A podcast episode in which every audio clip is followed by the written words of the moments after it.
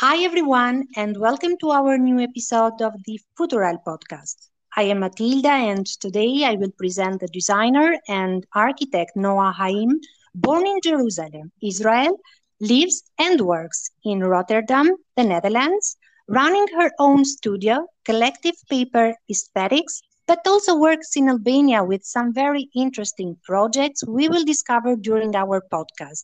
Welcome, Noah. We are very, very happy to have you today with us.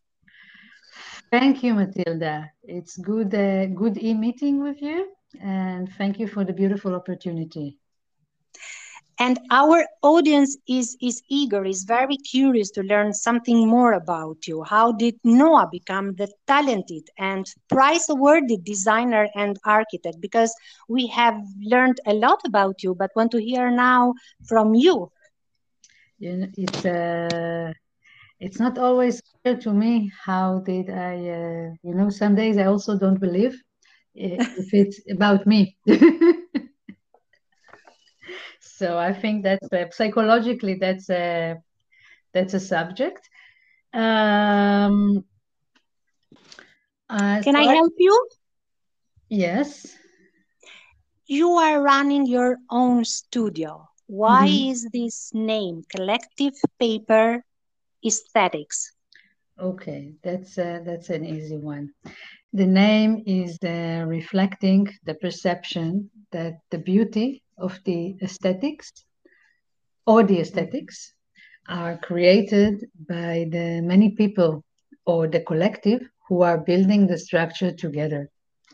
We made this name for a presentation in Milan in 2009, and I when I after one week during Salone, when I saw so many people saying it again and again and again, I understood that it's probably a good name for a studio. So I, initially, it was the name of an exhibition. I was not thinking to use it for a studio. And it's it's a nice one. But you brought your studio also here in Albania.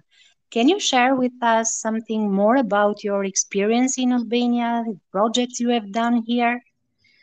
So I've done. I had a pleasure to be twice I had two projects in Albania.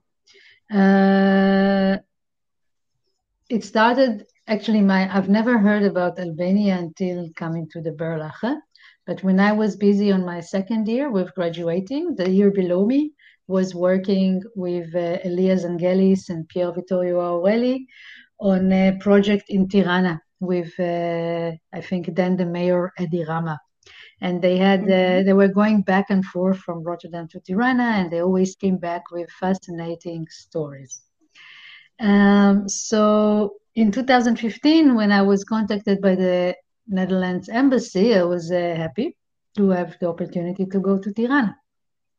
And the embassy, the team, the, the team in the embassy, they had this beautiful idea for using the studio materials, working with children from Arsis, in the National Gallery and using it as a platform to communicate the right of every child for education.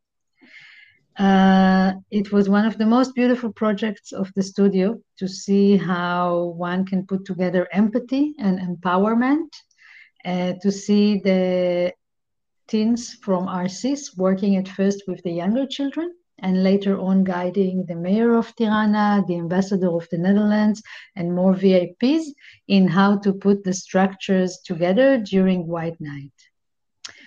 Um, during this activity, I've met with Nedi Petri and Miriam Bilachi, I'm not sure I pronounce his name correct, from Cultural. Heritage Without Borders. And we kept in contact after my return to the Netherlands and agreed to keep an open eye on collaboration opportunities. And in 2019, we found one and we applied together to Designscapes. It was an European open call from Horizon 2020, looking for innovative ideas for public space. And after spending many summer hours in front of the computer, I think the deadline was 31st of July or something like this. So we were super happy to hear that we received the grant. And shall I continue or do you want to? Yes, yes, please. I'm eager to know a lot about this project. I, I know I've done my my homeworks, but Mhm. uh, I'm curious also for our audience to know more about this beautiful project, the Design uh, and Heritage Empower Communities project. I'm correct? Yes, yes, exactly. Okay. So during it the is? Hmm? Yes. What No. is this about? uh, the project has is a, is a smart and small answer to larger urban and social challenges.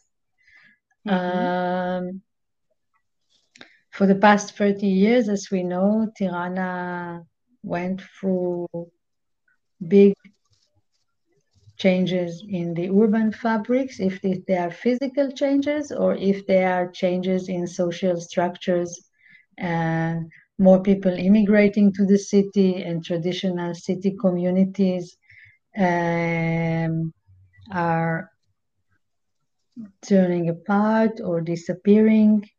And the ideal, this was one side of it. The second side was the cultural heritage, the architectural heritage, that some buildings, like the National Theatre, for example, which were uh, architectural monuments, are demolished. So we selected four architectural monuments which can be interpreted to a, to a cardboard pop-up structure because some buildings we wanted to select but it wasn't possible to, to make Lego out of them. And we also, Nedi and his team, they were identifying two different public spaces. One in the context of Don Bosco neighborhood, which is a new development, Mhm. and the second one in Mosaico, the historic center. Um, we design and at the beginning we exchanged like PDFs and photos from the of the prototypes, and then we sent. That was the beginning of COVID. We sent a big box of uh, prototypes from the Netherlands to to the office of uh, CHWB, and in September 2020 we we finally had the opportunity to to test the idea in uh, in one weekend, Friday until uh, Sunday evening. Um, And? on Friday, we worked with amazing volunteers, which the municipality arranged for us. Was enthusiastic group of uh, really amazing volunteers because I think that these kind of projects they sometimes uh, they can be success or they can fall down because of volunteers. And then on Saturday we were in Don Bosco, and afterwards we went to see the Mosaico, and we had the first beer in the small cafe bar restaurants there. And on Sunday we spent the whole day with Mosaico in the Mosaico with the community around. And at the end we had uh, the Netherlands embassy was organizing for us a press conference to uh, summarize the event, and we were uh, honored to host uh, the Albanian Minister of Culture, Miss Elva Margariti, Yes. uh, with her children together. Noah, the way you are describing this experience looks like it was an enriching one. It was because of the, the great volunteers. It was about bringing together communities, institutions, as you mentioned, or or the passion that you, you found there. All together, I think. Uh, I think like you bring your passion and cultural heritage without borders. Nedi, they he brought his own passion, and then yeah, then the passion of the volunteers of the ministries. It's all like uh, it's this point where all these things are meeting. So at the end, we can say that this kind of projects um, increase happiness in, in the cities? I'm the designer, so I think for me it's hard to look at it from uh, inside. Uh, mm-hmm. It's way easier to describe it from outside. Um, I think they are increasing awareness and they bring, uh, they raise uh, importance for people, for actions. Uh, you can say happiness. I, uh, I'm happy to hear that. Um, can you explain a little bit for, for us the concept of pop-up participatory spaces or these open design installations you are talking about? Um, the concept of uh, it's uh, it has to do with placemaking so the mm-hmm. concept mm-hmm. of the pop-up participatory places and the concepts behind placemaking, they are originated in New York in the 60s when uh, writers like Jane Jacobs and William Whyte they offered a different perspective regarding urban renewal in relation to community, social fabric, and economical shifts. For example, if we if we look back in Albania, if we move from New York to Tirana, so when one is demolishing the National Theatre building, is not only demolishing the physical building, because the city is not only about cars and shopping malls and buildings. The city is also the director of the theater, taking a coffee outside of the building, exchanging few words with the owner of the bar and the customers, and going back to the office. And when we demolish a building, the small interactions are also demolished. And what my my mm-hmm. now participatory processes that's a different perspective or that's the it's not a different but it's the it's a different uh, term in the same mm-hmm. family provides the community ownership and support the so it if this kind of uh, actions are taking the ownership or the power from the community by making things together with the community you bring them back the power and you give them back the the narrative to be their own storytelling and not the city or the developers or the big powers. But uh, change is here the, the only constant factor in, in our cities today. How we can cope with uh, uh, with the change, considering that we have resistance towards the change. Change is good. Change is not always uh, bad. That's uh, I have to say. So it's not black and white. Change mm-hmm. is good, and but when we make the changes, we need to also be aware of the of the the opportunities because for um,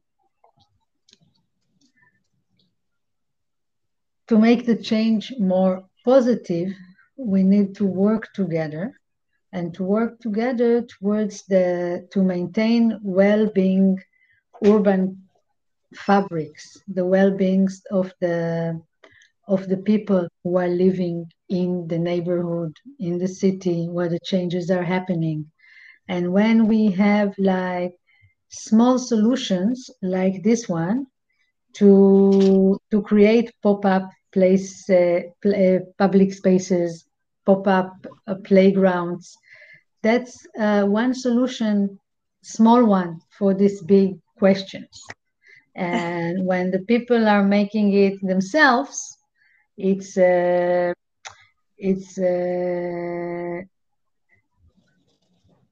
you know like sometimes you make something it's empowering you and then you realize it's also empowering the others So I, when I see parents doing it with children together, I mm-hmm. think it's creating a sense of, of belonging and uh, and yeah, of empowerment.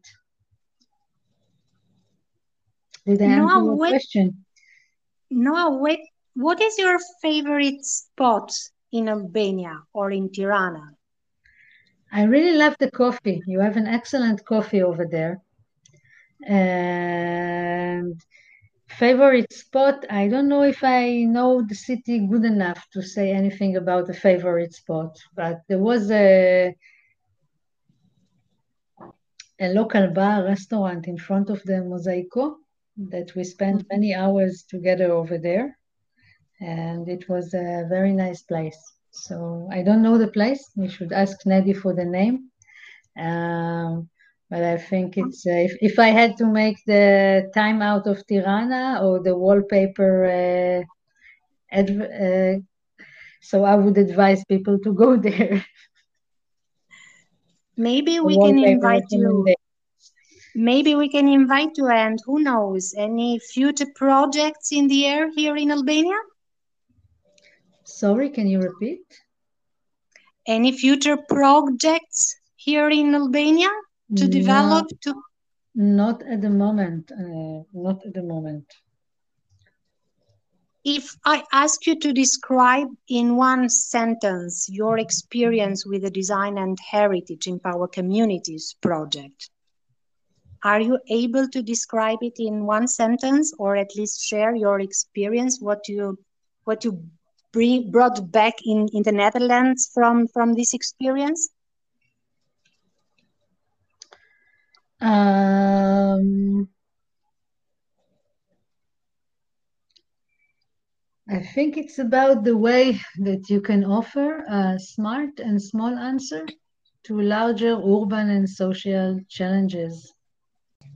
Working with local communities, you can create uh, fantastic new places and experiences and inspiring uh,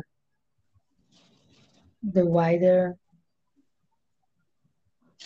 You can have a yeah it's like if you put a, a stone in the water you have like the closed circle then the circles are, of the effect are getting bigger